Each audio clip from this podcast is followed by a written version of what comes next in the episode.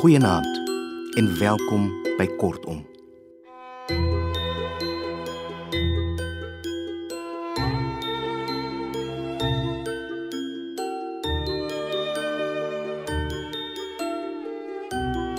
Baie eerlike storie vereis 'n baie eerlike leser. Ek het dit goed gedink om vir Wilhelm van der Walt te vra om te kom kuier. Hy lees Die offer deur Elsie Joubert.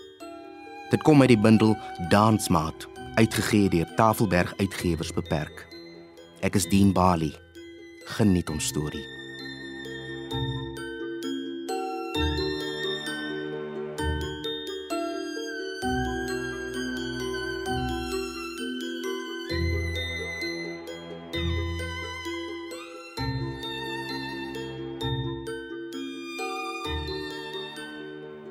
Een gesig kan ek nie uit my geheue uitwis nie. Die herinnering daaraan kruip op die mees onverwagte tye uit. En die onbenulligste besonderheid kan dit oproep. 'n Klosie hare wat deur die wind geroer word of 'n spier wat span as iemand iets optel om vir my aan te gee. En wind.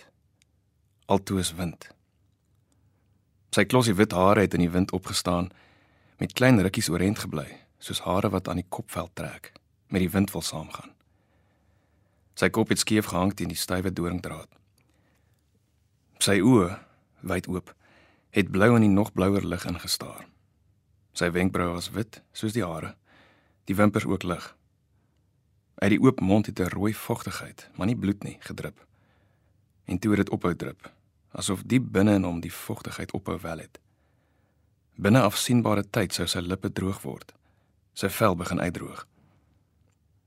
Sy hande was oopgespalk op die doringdraad, asof hy teruggeval het toe die skote kom en hy hom teen die draad wou stit. Sy boelhy was nog half oorent, pap oorent. Sy onderlyf gemors. Teen die wit ringmuur was daar baie bloed. Toe Jannie met 'n geskreeu van sy Land Rover se remme opdaag en dit langs myne intrek, het ek hom gesê: "Man, los die vraan, help eers hier." Ons het gesukkel om hom los te kry. Ons moes die kneukels losbuig. Die houding van die kop het dit laat lyk asof hy verlaas krampagtig die boorlyf en kop van die papgeskiete onderlyf wou loskry. Bo homself wou uitklim. Selfs Jan het dit opgemerk. Hy het swaar gaan sterf, het hy gesê.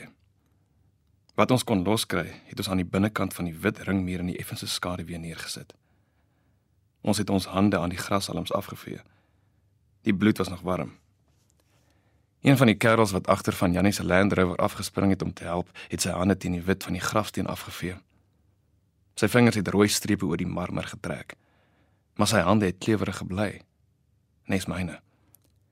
Hy het die kraan in die hoek van die kerkhof vol oopgedraai en die water laat stroom oor sy hande. En toe was dit ons beurt. Ons voete het later in 'n plas water gestaan. Dit kon ons nie skeel nie. Was maar, ou maat. Ons gaan nog lank moet was nog jare lank moet was. Toe ons oorent kom, knik Jan in die rigting van die kerk. Ek neem aan hulle het weggekom.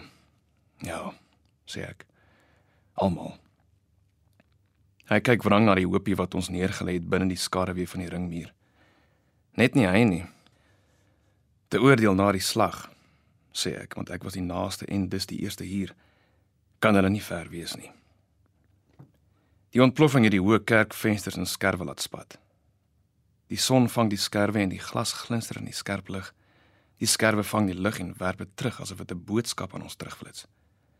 Maar dit duur net 'n rukkie. Toe is die son agter 'n wolk in die kerk en sy vensters stom. En toe die son agter die wolk verdwyn, een van daardie wolke wat van nêrens kom, net 'n ondeursigtigheid wat in die blou ruim versamel en ongemerk digter word. Was die eensaamheid om ons groter en het ons koud gevoel in weerwol van die sweet om ons slape. Die kaptein het in sy trok bygekom en beveel aan ons geskree. Jannie het sy sedels oorgegee aan 'n makker en ek myne ook. En 'n paar het uitgespring en te voet verder gegaan. Die drie Land Rovers het stadig teen die heuwel af begin sak. Jannie het 'n kus van Ernst nader gesleep, dit omgekantel en daarop gaan sit. Hy het 'n sigaret uit sy hemsak gehaal en dit aangesteek. "As jy sit," sê hy na rukkie. "Lyk dit darm aardig van hier af gesien." Net ek en hy is agtergelaat. Ek kyk vraend na hom. Sit hier, dan sien jy wat ek bedoel. Ons sit met ons rug na die reste van die ou man wat ons van die draad afgehaal het en toegedruk het in die flenters van sy swart ampsklere, foos geskiet. Daar was niks om oor hom te gooi nie. Kan jy sien? Hy neem die sigaret uit sy mond en maak met sy hand 'n slap gebaar na die drie rye doringdraad wat bo op die ringmuur gespan is. Kyk daar reg rondom. Bly die kamp lyk dit na. Was glo donder die ou man, min gepla. Wou nie skiet gee nie en toe teen sy eie draad foos geskiet. Sy gebaar of sy woorde of albei het my nie aangestaan nie. Hoekom weet ek nie, maar dit ook by alles kon ek nie verwerk nie. Ek het opgestaan. Ek gaan binne toe, bietjie rondkyk. Hy het sy skouers opgehaal en nog rook ingetrek. 'n Nuwe vlaaggie wind roer ook sy hare, blonde hare. Die hare staan 'n oomblik oorent asof hulle trek aan sy kopvel en toe weer sag soos 'n distel wat deur die wind geroer word, gaan lê dit. Die ligte styl seunshare pas nie by sy mondering, sy stewels, sy houding, sy woorde nie. "Gaan maar," sê hy.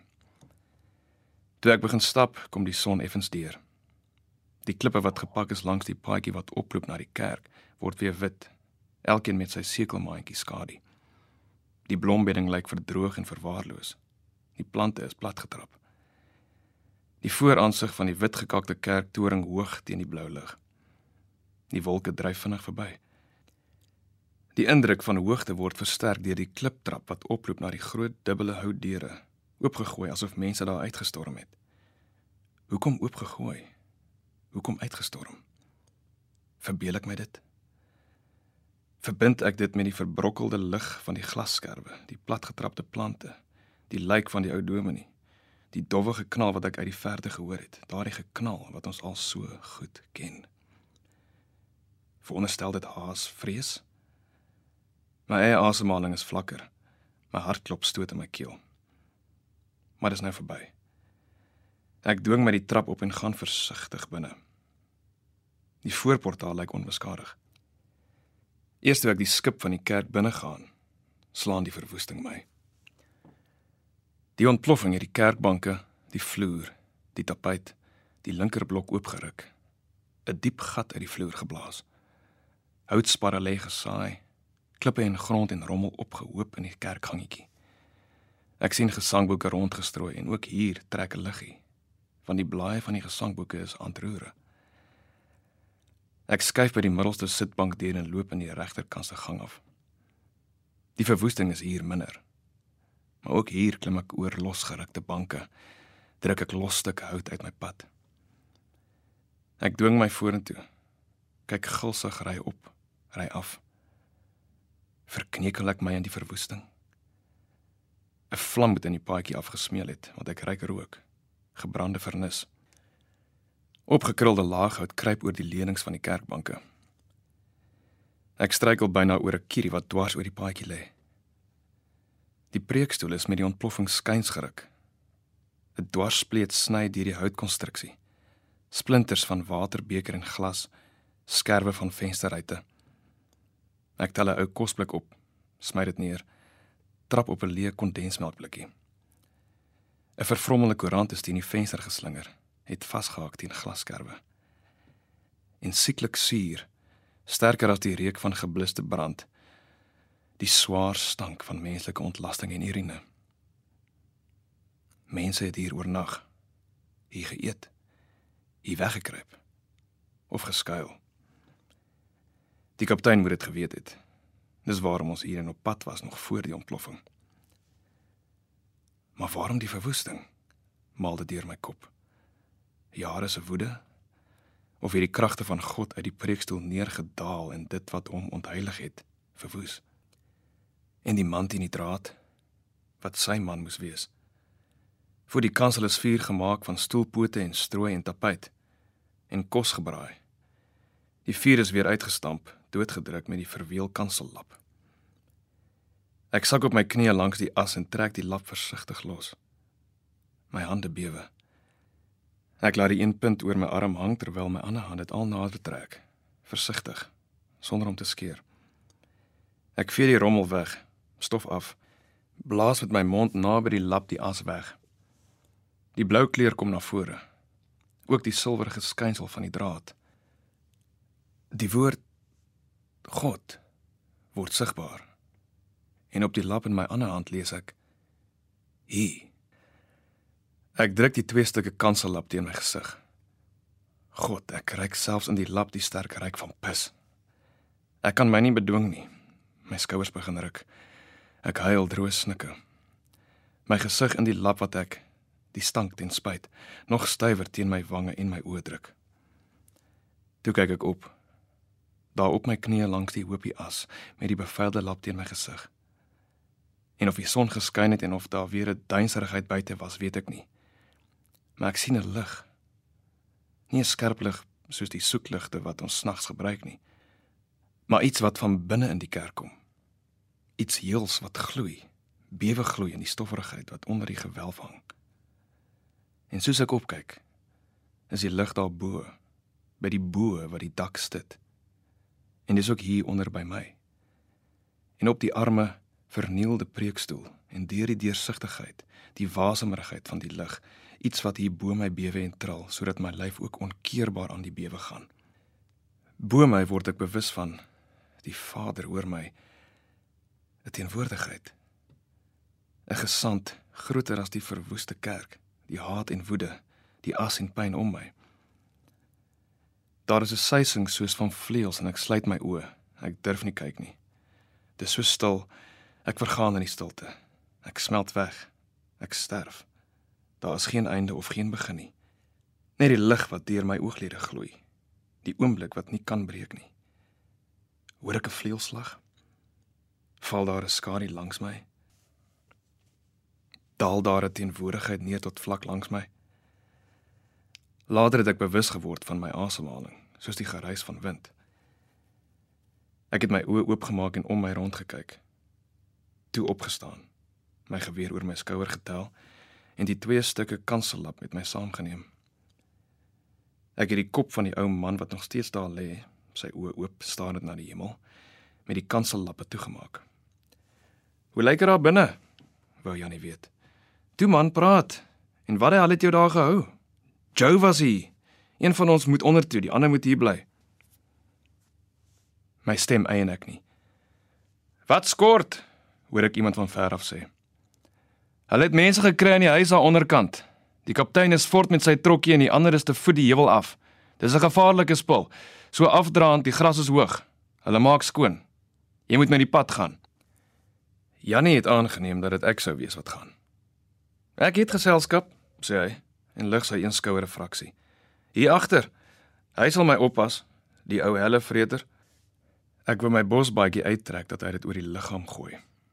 Die kansellap het skaars sy gesig bedek en die brommers in die blou vlei het klaar begin zoom. Jannie het my kop gelees. Ons moet hom seker toemaak. Is daar binne kerkgordyne of so iets? My druk 'n sigaret met sy stewel dood. Maar ek gaan nie daaraan nie. Ek is bygelowig. Net nou trap ek iets af. Blou lig bo my kop, dan voel ek beter. Nie mure nie, nie mure nie. Hy steek nog 'n sigaret aan. En nou jy maar jou baadjie. Jy het dit nodiger as hy. Hy trek die rook diep in. Solank jy twak hou, is dit goed. Ek loop met die grondpad. Die rooi gras wat hoog staan, skitter in die skynstrale van die son. Die grasse buig en koes as die wind aan hulle raak. Maar hulle beweeg nie. Hulle is strak in hul roerloosheid. Ook ek loop nie. My voete versteur nie die grys of die klippertjies nie. Ons is almal die gras, klippers, ek en ook die wind, stil en bewegingloos. Hierdie oomblik is nou en vir altyd. Die maande wat verby is, is nie meer nie. Ook wat voor lê is nie meer nie. 'n Jeep van agterhou stil, laai my op. Hulle skreeu bevele wat ek hoor asof dit van ver af kom. Die geknars van die ratte en remme versteur nie die stilte nie. Die bande ook nie die grys klippies op die pad nie. Alles is soos dit moet wees. Alles omstraal deur die lig wat groter is as die son.